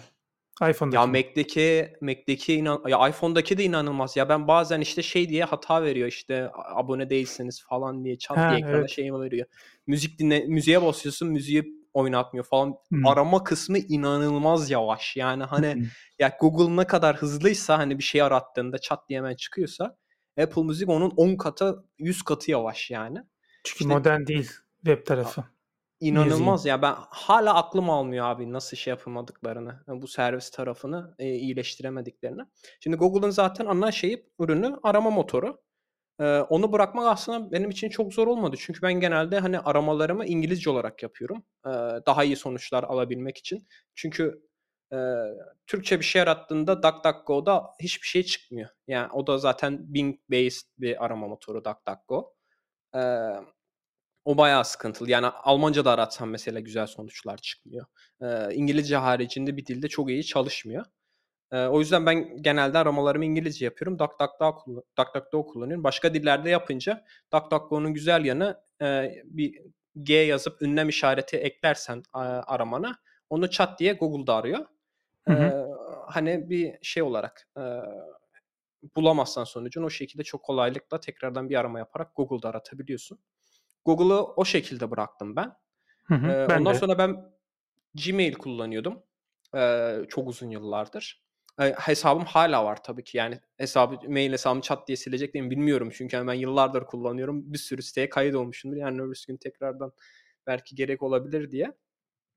Ama aktif olarak kullanmıyorum. Yani yeni mail gelmiyor bana şu anda Gmail hesabıma. Ee, orada da çok basit bir geçiş yaptım. iCloud kullanmaya başladım. Ücretsiz. Apple servislerinde duruyor. Zaten bahsettik. Çok güzel özellikler de ekliyor Apple. Sana işte fake e-mail yaratma gibi ya da işte e, nasıl diyeyim kullanat mail yaratma gibi yeni özellikler de ekliyor. Eğer sen mail adresini paylaşmak istemiyorsan işte eğer mail adresini adın soyadın yazıyorsa ve bir yere kaydoluyorken kendini ifşa etmek istemiyorsan sadece atıyorum username ve mail ile kaydolabileceğin bir site ise orada Apple'da diyebiliyorsun bak burada e, bana yeni bir e-mail oluştur diyorsun. Sana e, içerisinde random karakterler olan yeni bir e-mail yaratıyor. Hı hı. Gmail'i de ben bu şekilde bıraktım. Ee, bilmiyorum sende ne nasıl durum? iCloud'da şey de geliyormuş. Kendi domaininle mail alma Aynen. özelliği de geliyormuş. Hı hı. Ee, iCloud Plus'ta sanırım. Ee, üst Hı hı. paket iCloud üyesiysen alabiliyorsun onları. Ee, ben e, Google'ı aynı senin dediğin gibi DuckDuckGo'ya geçerek bıraktım. Google'ın kaç defa girdin desen 2021'de herhalde 3 ya da 4 defa girmişimdir. Çok özel bir şey aradıysam ve DuckDuckGo vermiyorsa sonuç gidiyorum. Onun dışında Google'ın Gmail servisine tabii ki e, çok eski bir Gmail mailim olduğu için kullanıyorum. Onu e, bırakmam çok e, zor ama e, kendi kişisel maili mesela hey at safeed.in bu show'un notlarında o mesela ücretli bir mail servisinde duruyor. Privacy first bir mail servisinde duruyor. Ona her ay para veriyorum yani. Hı hı. Ee, şey mesela çok üzdü. Ben ilk işte benim iş mailimi aldığımda Google Work'ten almıştım. Google Suite alarak yapmıştım. Para veriyorum ona hala da her ay. Hani para veriyorum diye track etmez falan diye düşünüyordum. Yok para versen de track ediyor. Öyle bir şey var. Ee, bu konu beni bunu şunun için söyledim. YouTube tarafında da üzüyor. Mesela YouTube'a ben para vermek istiyordum uzun yıllardır. Çünkü yani biliyorum YouTube'un bir maliyeti olduğunu ve hani e, en azından beni takip etmesin, track etmesin, zırt pırt reklam göstermesin diye. Premium'u çıkarttılar. Çok sevindim Premium'u çıkarttıklarını. Premium üyesiyim ama yine takip ediyorlar. E, çünkü algoritmanın çalışması için, sana tavsiye verebilmesi için seni takip etmesi lazım. Ondan çok memnun değilim. Yani Premium Plus gibi bir şey olsa biz sizi takip etmiyoruz dese muhtemelen geçerim yani. Bu biraz aslında işte internet kullanıcısı e, bilinçli bir internet kullanıcısı olmakla alakalı bir durum. Yani e, hiç para ödemeden de interneti kullanabilirsin. E, Bunun belli etkileri olur. Ya da bu şekilde işte bilinçli bir şekilde Evet, tabii ekonomik de bir durum bir taraftan baktığında e, belli başlı şeyleri kullanabiliyorsun ekonomik durumuna göre. İşte öğrenci birisinin mesela atıyorum benim gibi bir site yönetmesi, ayda 60-70 dolar vermesi bugünün kuruyla çok zor şeyler. Hani onların tabii çok gerçek dışı olduğunun farkındayım. Ama işte köprüyü geçene kadar kullanıp sonra tekrardan şey yapabilirsin. Bu tabii bu konuda Apple da mesela Safari'ye işte şey koydu bu site seni şu şu şu tracker'lara takip etmeye çalışıyor Hı hı. diye mesela bir rapor sunuyor her site için. Yukarıda böyle bir kalkan ikonu var. Ee, hani en azından girdiğiniz site sizi nasıl takip ediyor onu görebiliyorsunuz. E, bloklayabiliyor birçoğunu. Content blocker'lar var. İşte bu IDFA paylaşma mevzusu var yani sizin adınıza bir kimlik oluşturuyor Google ya da herhangi bir sistem. Ve bu kimliği siz e, bu kimlikte atıyorum Facebook'un bir uygulamasından başka bir e-ticaret sitesine girdiğinizde aynı kimlikten sizin profilinizden yakalayıp oradan size uygun reklam gösterebiliyor bu e, e-ticaret sitesi. Böylece siteler arası geçiş yapmanıza rağmen sizin kim olduğunuzu tak diye tanıyor siteler. İşte bunu e, vermeyen bir sistem geliştirdi Apple yine bu tarafta. Hı hı. Sadece 000 diye bir rakam veriyor e, site geldiği zaman. Bunu da rica ile sizden isteyebiliyorlar bu hakkı gibi Hı hı. gibi şeyler var. Yani bir tarafta da bu ürünler de akıllı hale geliyor. Bilinçlendirmeye çalışıyor insanları. Ee, bir yandan da işte e, bizim de bu konuda bir şeyler yapmamız gerekiyor tabii. Aynen. Bir de o bahsettiğin özellikle ben onu direkt ilk Apple e, release ettiğinde dedim. Ayarlardan giriyorsun, giriyorsun. Hiçbir uygulama izin verme diyorsun. Ondan sonra hiçbir uygulama seni takip edeyim mi etmeyeyim mi diye sormuyor. E, hı. muazzam bir özellik. E, e, bunun dışında işte mesela YouTube dedin. Sen mesela YouTube'u bırakmak e, o biraz şey gibi geliyor. Mesela benim YouTube account'um yok. E, işte e, YouTube'dan bir şeyler seyrediyorken her seferinde ben bayağı gidip aratıyorum. Şeyleri takip ettiğim işte mesela Koray Brand'ın YouTube kanalını ben RSS üzerinden takip ediyorum. Şimdi Hı. geçen o bir Twitch yayınında da bahsetmişti. Ben diyor şu- mesela bu da inanılmaz bir şey. Sen senin bir kanalın var abi. Kanalının 10.000 tane abonesi var değil mi? Yeni bir video yayınlıyorsun. Yani beklentin ne olur? Bu 10.000 kişiye de bildirim gitmesi değil mi? Çünkü hani bunlar seni takip ediyor. Niye takip ediyorlar? Yeni bir yeni bir video geldiğinde sana bildirim gelsin diye. Ama e, işte Koray Brand şeyden yakınıyordu. E, bildirim gitmiyor takipçiler. Adam gidip bayağı sormuş yani takipçilerine size bildirim geldi mi? Size bildirim geldi mi diye. Yok demiş. Yeni video yayınlıyor. Adam bildirim gelmiyor. E bu durumda ne oluyor abi? Hani bu da farklı bir konu aslında ama hani Google neyin kimin neyi izleyeceğine karar vermeye başlıyor. Hani sen ne kadar bak ben bu adamı takip ediyorum. Bu adam bana video bu adam video yayınlarında bana bildirim gönder desem bile sana bildirim gelmiyor. Haliyle ne oluyor? Sen videoyu kaçırıyorsun. Hiçbir haberin olmuyor yeni video çıktığında. Bu sayede işte kanalın videonun izlenme sayısı düşüyor. Ondan sonra kanalı e, sahibi daha az video çekiyor. İşte mutsuz oluyor, morali bozuluyor, motivasyonu Hı-hı. kayboluyor. E, daha az video çekiyor. Ondan sonra yavaş yavaş yok olup gidiyor. Hani burada ne oluyor? Tek bir tek bir şirket Google hangi videonun izleneceğine karar veriyor. Facebook'ta evet. da aslında aynı şekilde. Hangi haberin senin o feed'ine düşeceğini onlar karar veriyor bu algoritmalarla ilgili. O yüzden ben mesela RSS'in hani hala e, kullanılması gerektiğini düşünüyorum. Yani yaygın bir şekilde. Zaten Google'ın da mesela zamanında RSS'e çok güzel hatta bir FeedBurner diye bir şirketi satın almıştı yanlış hatırlamıyorsam. Bu RSS şeylerini yönetmek amacıyla. Ama hiçbir şekilde yatırım yapmadılar. Niye biliyorlar yani hani bu aslında iyi bir şey değil. Çünkü ben RSS takipçisiyle e, Reader diye bir uygulama kullanıyorum. O da mesela ücretli bir uygulama. Ben hem Mac'te e, hem iPhone'da parasını verip çok seviyorum. uygulama. Çok çok seviyorum. Muazzam bir uygulama. Bu uygulama bana neyi sağlıyor abi? Benim takip etmek istediğim sitelerde yeni bir şey çıktığında bana zaman bazlı işte geriye dönük olarak işte en yeniye en ilk işte gösterecek şekilde bana göstertiyor. Ne ortada bir algoritma var ne de başka bir şey var. Tamamen e, zamana dayalı. İşte bu yüzden de ben e, YouTube takip ettiğim YouTube kanallarını RSS üzerinden takip ediyorum ki hiçbir şekilde kaçırmayayım. İşte evet. ya da işte o sıralama değişmesin. Ha bana işte salı günü yayınlandıysa bana salı günü aynı saatte gösterdi istiyorum. İşte hani YouTube'u doğru doğrudan bırakamıyorsun. Çünkü o dediğin gibi inanılmaz bir altyapısı var ve o, o altyapıyı sunabilen başka bir video servisi yok şu anda. Yani e, hani Twitch'te bile mesela hala canlı Tabii. yayınlarda e, YouTube'daki kaliteyi şey yapamıyorsun ya da akıcılığı sağlayamıyorsun. Google'ın iyi olduğu noktada orası. Hani YouTube'u bırakmış değilim ama işte hani kendi sistemini kullanmıyorum. Sadece RSS üzerinden çıkan videoları izliyorum. Başka e, çok küçük bir yine ekleme yapayım aha. faydalı bilgi. YouTube videolarını embed edeceğiniz zaman bunun bir embed linki var bir yer başka bir sitede göstermek için e, YouTube videolarını youtube.com slash embed deyip sonra bir sonraki slash işte e, ve şey, videonun ID'si şeklinde bir URL veriyor size YouTube. Siz o URL'i alıp youtube.com yerine youtube-nocookie.com olarak güncellersiniz.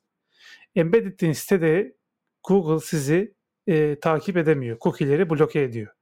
YouTube'un cookiesiz bir domaini daha var yani youtube-nocookie.com slash embed slash yaparsınız ki benim sistemdeki videoların hemen hemen hepsi öyle.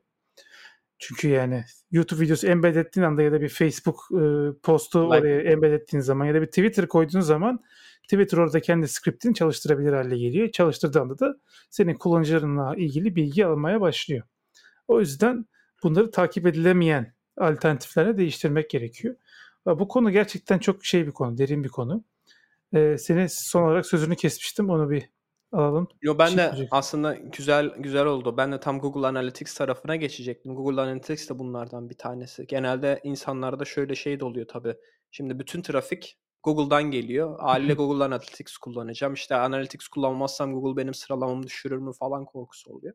Ben de senin o bahsettiğin Plausible'ı kullanıyorum. O da Avrupa'da geliştirilen bir GDPR compatible. Çünkü Avrupa'da e, yaşıyorsanız, bir siteniz varsa o, öyle olması gerekiyor. E, onu o servisi kullanıyorum. Gene bahsettiğin gibi ücretle.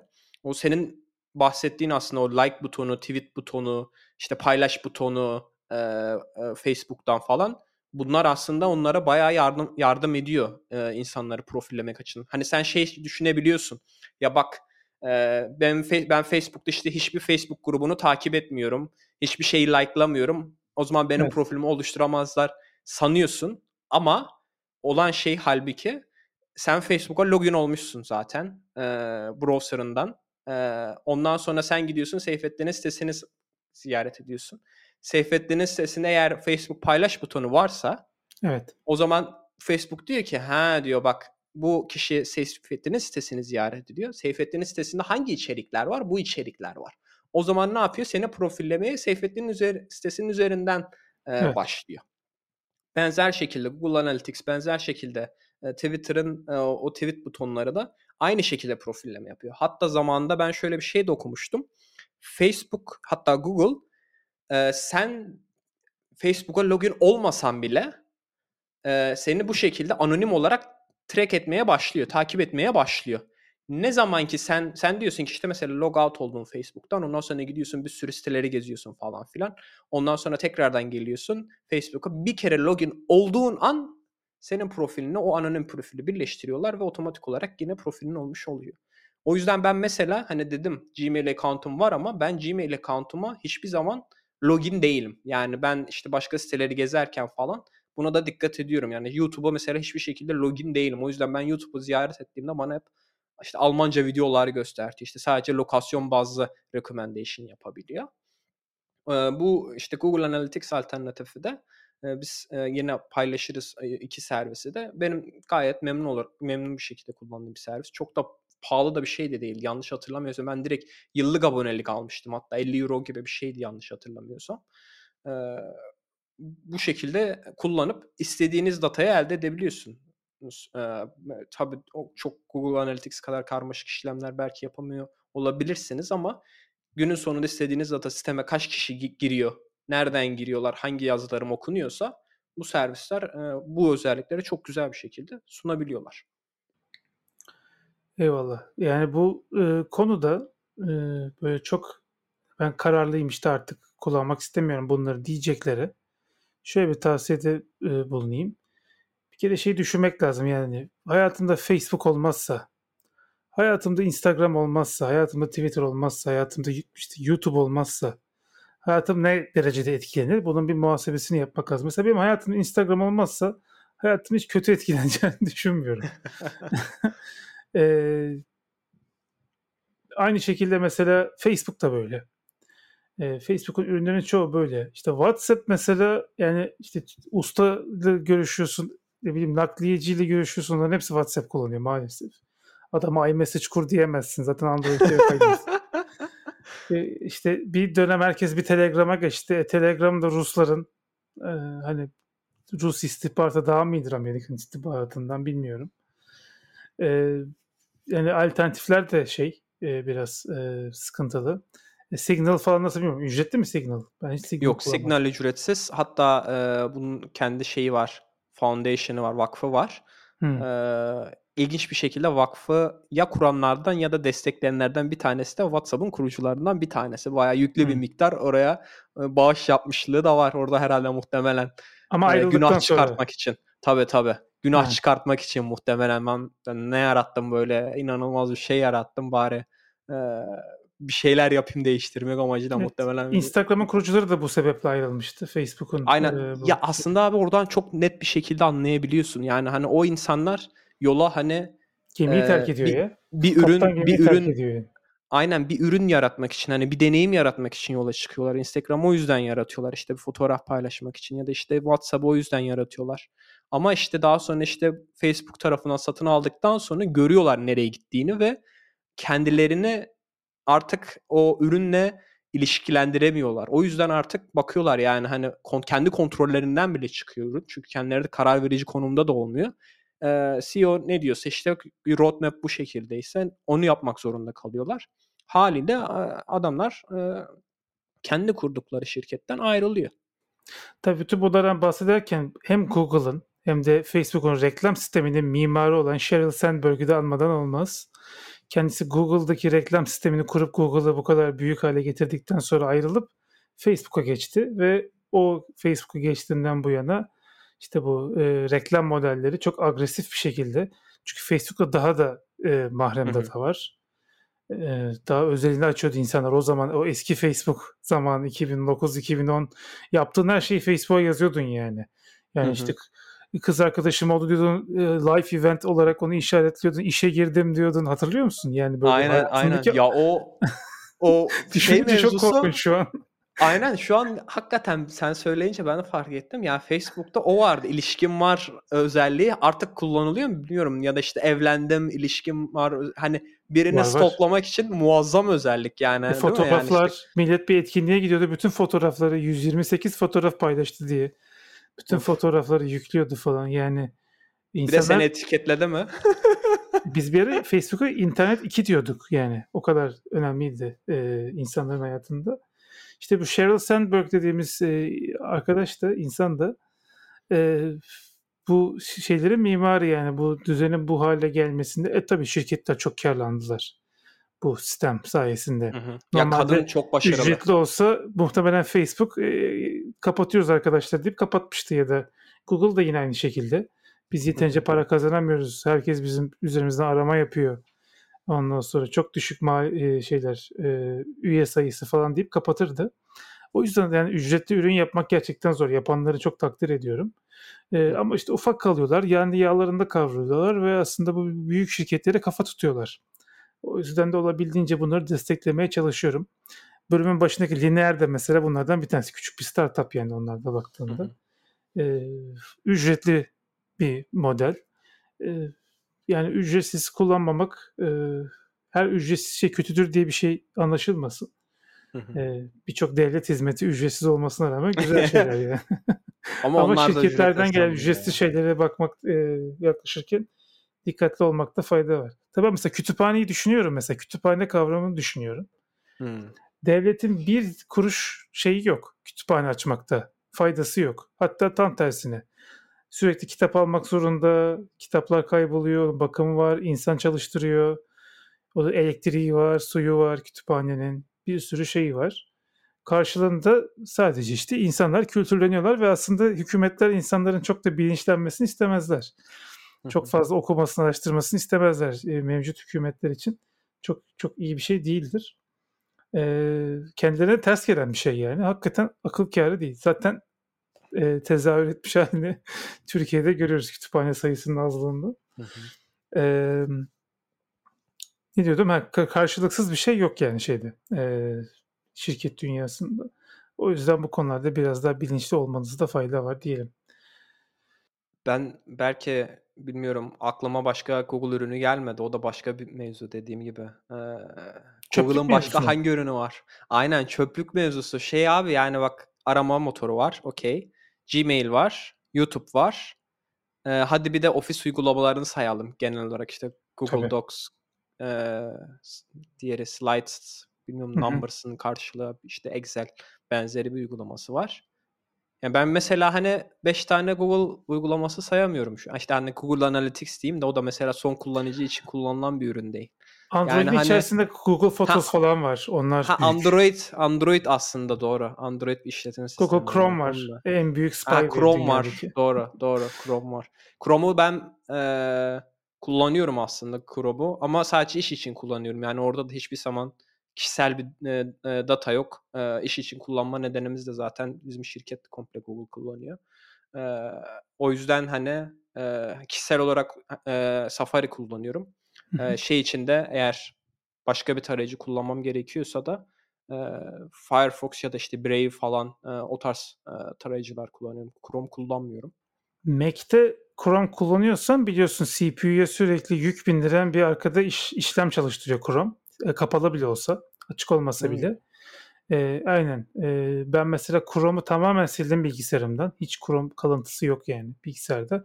Nasıl silineceğine dair bir web sitesi var. Don't use Chrome gibi bir site. Onu koyarız show notlarına. Hı hı. E, Chrome'u tamamen sildikten sonra bilgisayarın performansı gözle görülür şekilde arttı benim. Onu da bir söyleyelim. Yani e, arkada ne çalıştırıyorsa e, çok sıkıntı yaratıyor Mac tarafında. Yani Google'dan e, beni mesela çok sinirlendirmişti o. Yani Chrome'un böyle bir... Çünkü ben bilgisayarım yoruluyor yani görüyorum sürekli çalışan iş, işlemler falan var. Ya da bir bilgisayarda niye bir işlem sürekli çalışır? Bu Chrome'u tamamen sildikten sonra o işlem şeyi çok düştü. CPU tüketimi, işlemci tüketimi hmm. çok düştü. %10'lardan %2'lere, %1'lere falan indi yani öyle ciddi bir e, düşüş.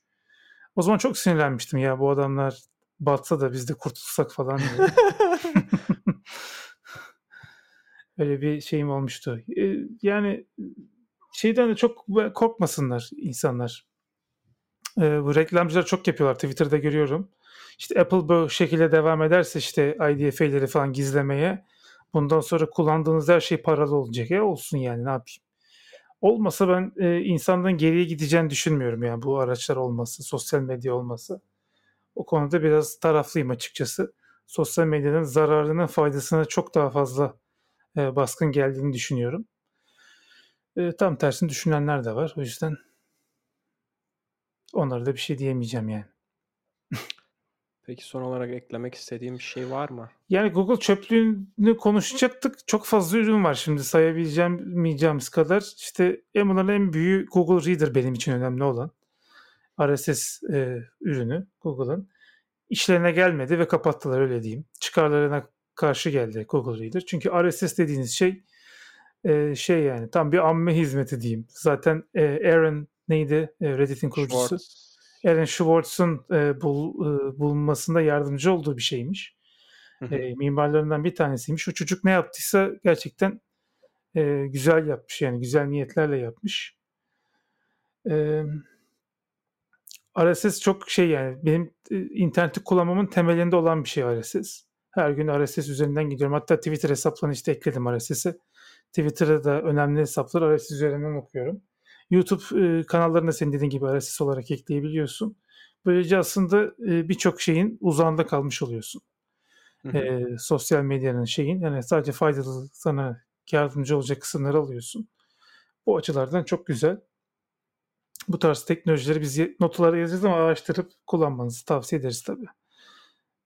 Daha fazla da artık Google'ın çöplüğüne şu an Stadia falan var. Hani çok girecek olsak uzun uzun konuşurum. Aynen. Eline attıkları her ürünü kuruttular. Mesela bir şirketi Google satın alıyor diyorum tamam. Eyvallah. En son Fitbit, Fitbit aldılar. Aynen. Fitbit vardı bende. Pebble vardı mesela. Pebble Pebble'ın ilk Kickstarter backerlarından bir tanesiyim ben böyle. Ben back ettiğimde 100 kişi falan vardı. Ee, ve ilk saatini alanlardan bir tanesiyim. Akıllı saat yapıyordu Pebble. E-kitap okuyucu ekranda. Bu arada çok güzel Hı-hı. bir fikir. Çok uzun gidiyordu pili falan. Ee, daha Apple Watch yoktu piyasada. Apple Watch yokken yapmışlardı. Ee, sonra dediler ki Pebble'ı Google alıyor. Dedim tamam Pebble'ı koydum kenara. Bir daha da kullanmadım. Yani. Bu Google'ın şeyine alakası yok. Yani ürün çok kötüye gidiyor. Ya batıyor ki şirket kapatıyorlar ya Google'ın bilmem nesi yapıyorlar sonra o kapanıyor. Yani, yani bir şirket Google tarafından alındıktan sonra bir tek Nest ayakta kalabildi. O da nasıl kaldı bilmiyorum yani. Çok fazla kullanılıyordu herhalde önceden. Ee, bir sıçrama yapıyor, ikinci sıçrama yapamıyor şirketler. O yüzden e, tabii şirketi satanlar paralarını alıyorlardır da hı hı. E, olan kullanıcıları oluyor o tarafta. E, Google mesela bir sosyal medya uygulaması ya da bir chat ya da mesajlaşma uygulaması çıkarttığında kesinlikle diyorum yani bu seneye yok yani. Aynen ya işte mesela artık o yüzden hiç kimse yaklaşmıyor bile. O, da kötü bir şey yani. Hani süper bir hmm. uygulama bile çıkartsalar biliyorlar yani hani belki bir yıl yaşayacak, belki iki yıl yaşayacak. Ondan sonra yine kapatacaklar diye. Yani Google hani o zaman da ne oluyor? Google Hangouts bastırdılar, bastırdılar. Kullandık. E Meet çıktı. Meet'e dönüştürdüler. Aynen. Şimdi Meet'e güvenemiyorsun. Aynen. Ya işte o zaman ne oluyor? Sıkıntı sen şey yapamıyorsun. Yatırım yapamıyorsun hani uygulamaya eğer Tabii. e, şeyse atıyorum kontaklarını taşıman gerekiyorsa işte belirli içeriklerin taşıman gerekiyorsa falan o yatırımı yapmaktan uzak duruyorsun. O zaman ürün tutmuyor falan filan yani hani çok böyle sonsuz bir döngüye dönüyorsun. Ama işte onların e, altın e, yum, e, ne de altın yumurta yumurtlayan e, şey olduğu için e, kazı olduğu için e, bu reklamlar ürün yapmalarına da gerek kalmıyor. Yani ne olursa olsun bakıyorsun her çeyrek sonucunda gelirlerini arttırıyorlar. İnsanlar daha çok kullanıyor. Daha iyi profilleme yapıyorlar. Daha iyi profilledikleri için de e, işte bunların aslında o e, senin bahsettiğin yani muazzam bir reklam sistemi var. Bu reklam sistemi aslında hiçbir yer yani diğer mecralarda yok. E, Google ve Facebook'ta olan bu action ne neydi işte sen şey veriyorsun, teklif veriyorsun. Diyorsun hı hı. ki işte bu kelime için ben 5 dolar veriyorum diyorum. Bir başkası evet. 6 dolar veriyor. O zaman 6 dolardan reklam çıkıyor. Senin reklamın gözükmüyor. Açık arttırma. Açık arttırma. Ha, aklıma gelmedi. Yani açık arttırma sistemi muazzam bir sistem. Sen bugün aynı sistemi gazeteler için yapamıyorsun. Ne yapıyorsun? Orada evet. birkaç şirket sana anlaşıyorsun, reklam veriyorsun ama bilmiyorsun yani aslında o, o alan için belki daha fazla para verilecek bir şirket var mı diye. O yüzden hani o muazzam bir şey haliyle sürekli fiyatlar artıyor. Ee, sürekli de onlar kazanmaya devam ediyor ve hiçbir şeyde gerekliliğini de duymuyorlar muhtemelen. Şöyle bir ürün çıkartalım falan filan diye. Sadece var olanların üstüne belki biraz bir şeyler ekliyorlar. Ee, o kadar. Evet yani mesela şey deseler biz buraya gelmiyoruz ya da şu tarz ürünleri artık yapmıyoruz. Mesela biraz şeyde yavaşlama oldu. Kendi telefonlarını yapıyorlar ya Nexus'lar var Hmm. Google'ın. Sonra Google Phone mu oldu? Ne oldu onun ismi? E, takibini tutamıyorum artık da yani. E, biz Pixel. bir ara her sene başka bir üreticiyle Nexus Phone Hmm. çıkartıyorlardı falan. Şimdi birazcık daha e, Pixel Phone aynen. Pixel Phone'lar bilmiyorum çıkıyor mu hiç haberim bile olmuyor yani. Çok Çıkıyor e, çıkıyor. Ha, duymuyorum. Mesela Stadia tarafı tamamen saçmalık. Ya tamam oyun sektörü çok büyük bir sektör olabilir. Girme artık ona da yani. Gireceğim dedin rezil oldun. Millet artık dalga geçiyor yani. E, düzgün çalışmıyor servisin. Her ne kadar insanlar çok güzel çalışıyor dese de yok yani. Ben gördüm ciddi latency var. Oyunlar ayrıyetten para veriyorsun. Bir de oyun stüdyosu kurdular kaç tane. Dünyanın parasını verdiler. İnsanlar ayrıldı şimdi o stüdyolardan. Kapattılar o Aynen stüdyoları. aynen geri kapattılar ya da geri, tekrardan vaz mı geçtiler? O tarz şeyler Kapattılar, stüdyolar kapandı. Bö- E bu arada oyun stüdyosu açmak öyle şey değil yani. Köfteci açmak gibi bir şey değil yani. Yani 200 milyon dolar falan gidiyor yani. Oyun stüdyosu açmak öyle kolay bir şey değil. Onun ofisi var, çalışanları var. O insanları ikna edeceksin, getireceksin. De çok kreatif insanlar var yani ve hani. O insanların kreatif şeylerine dokunmayacaksın ve bu süre alan bir şey. Yani mesela adama kreatif serbestlik veriyorsun. Adam oyun tasarımcısı öyle şey değil ki sürekli oyun fikri basan bir adam değil ki.